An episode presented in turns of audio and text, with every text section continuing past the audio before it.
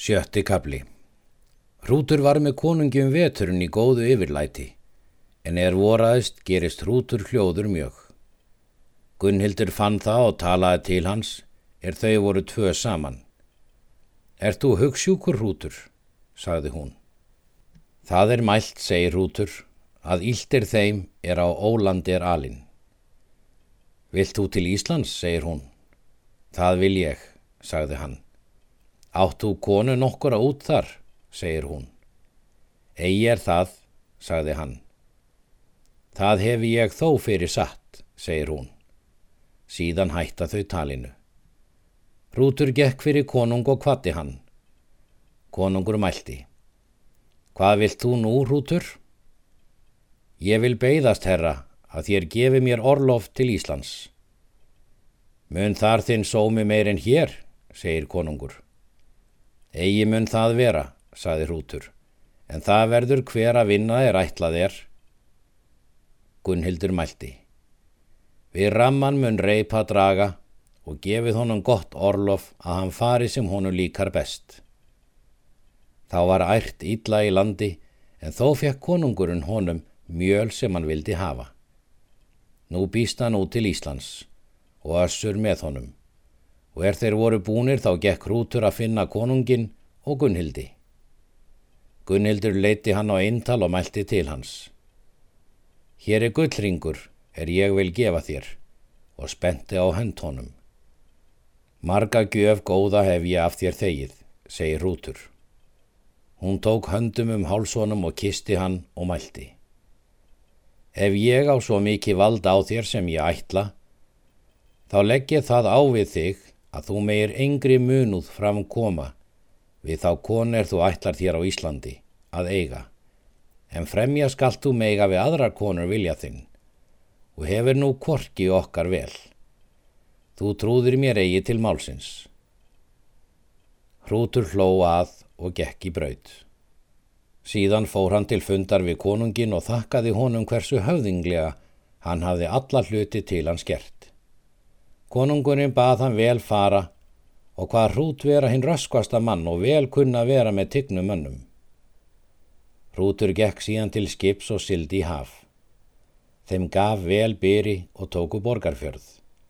En þegar er skip var landfast reið hrútur vestur heim en össur létt riðja skipið. Hrútur reið á höskuldstaði og tók bróður hans vel við honum og saði hrútur honum allt um ferðir sínar. Síðan sendi hann mann austur á rángarvöllu til marðar gíu að búast við bóði. En þeir bræður riðu síðan til skips og sagði höskuldur hrúti fjárhægi hans og hafði mikið á abla síðan hrútur fór í braud. Hrútur mælti. Minni mun umbun verða bróðir en skildi, en fá vil ég þér mjöl, svo sem þú þart í búð þitt í vetur. Síðan réðu þeir skipinu til hluns og byggu um en færðu varning allan vestur í dala. Hrútur var heim á hrútstöðum til sex vikna. Þá byggust þeir bræður og össur með þeim að ríða austur til brúðlöps hrúts og riði við sex tígu manna. Þeir riðu þar til þeir koma austur á rángarvöllu. Þar var fjöldi fyrir bóðsmanna. Skipuðust menn þar í sæti en konur skipuðu pall og var brúðurinn heldur döpur. Drekka þeir veisluna og fer hún vel fram. Mörður greiti út heimannfylgju dóttur sinnar og reið hún vestur með hrúti. Þau riðu þar til er þau komu heim. Hrútur fjekk henni öll ráði í hendur fyrir innan stokk og líkaði það öllum vel. En fátt var um með þeim hrúti um samfarar og fer svo fram allt til vors. Og þá er voraði átti hrútur för í vestjörðu að heimta fyrir varningsinn en áður hann færi heimann talaði unnur við hann. Hvort ætlar þú aftur að koma áður menn ríða til þings? Hvað er að því, segir hútur. Ég vil ríða til þings, segir hún, og finna föður minn. Svo skal þá vera, sagði hann, og mun ég ríða til þings með þér. Vel er það og, segir hún. Síðan fór hann heimann og vestur í fjörðu og byggði allt fjöð og fór þegar vestan og er hann kom heim bjó hann sig þegar til þings og let ríða með sér allan ábúa sína. Höskuldur reið og, bróðir hans. Hrútur mælti við konu sína. Ef þér er jafn mikill hugur á að fara til þing sem þú lést, þá búð þú þig og ríð til þings með mér. Hún bjósi skjótt og síðan ríða þau unnstau koma til þings. Unnur gekk til búðar föður síns. Hann fagnaði henni vel, en henni var skapþungt nokkuð. Og er hann fann það, mælti hann til hennar. Séð hef ég þið með betra bragði eða hvað býr þér í skapi? Hún tók að gráta og svaraði engu. Þá mælti hann við hana. Til hvers reyðst þú til alþingis ef þú vilt eigi svara mér eða segja mér trúna þinn eða þykir þér eigi gott vestur þar? Hún svaraði. Gefa myndi ég til alla eigu mína að ég hefði þar aldrei komið.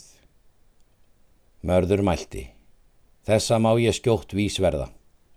Þá sendi hann mann eftir þeim hrút og höskuldi. Þeir fóru þegar. Og er þeir koma fundmarðar stóð hann upp í mót þeim og fagnaði þeim vel og bað þá sitja. Töluðu þeir lengi og fór tal þeirra vel.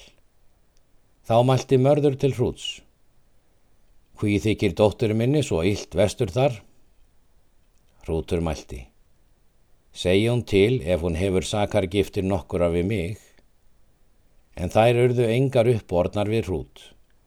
Þá let hrútur eftir spyrja nábúa sín og heimamenn hversu hann gerði til hennar. Þeir báru honum gott vittni og sögðu hann að ráða öllu því hún vildi. Mörður mælti.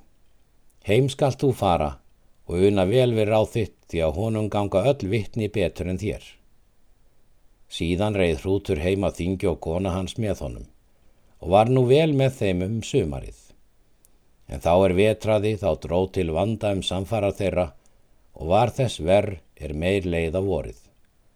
Hrútur átti enn ferð vestur í fjörðu að fjárreðum sínum og lísti yfir því að hann myndi eigi til alþingis ríða. Unnur talaði fátt um. Hrútur fór þá er hann var til þess búinn.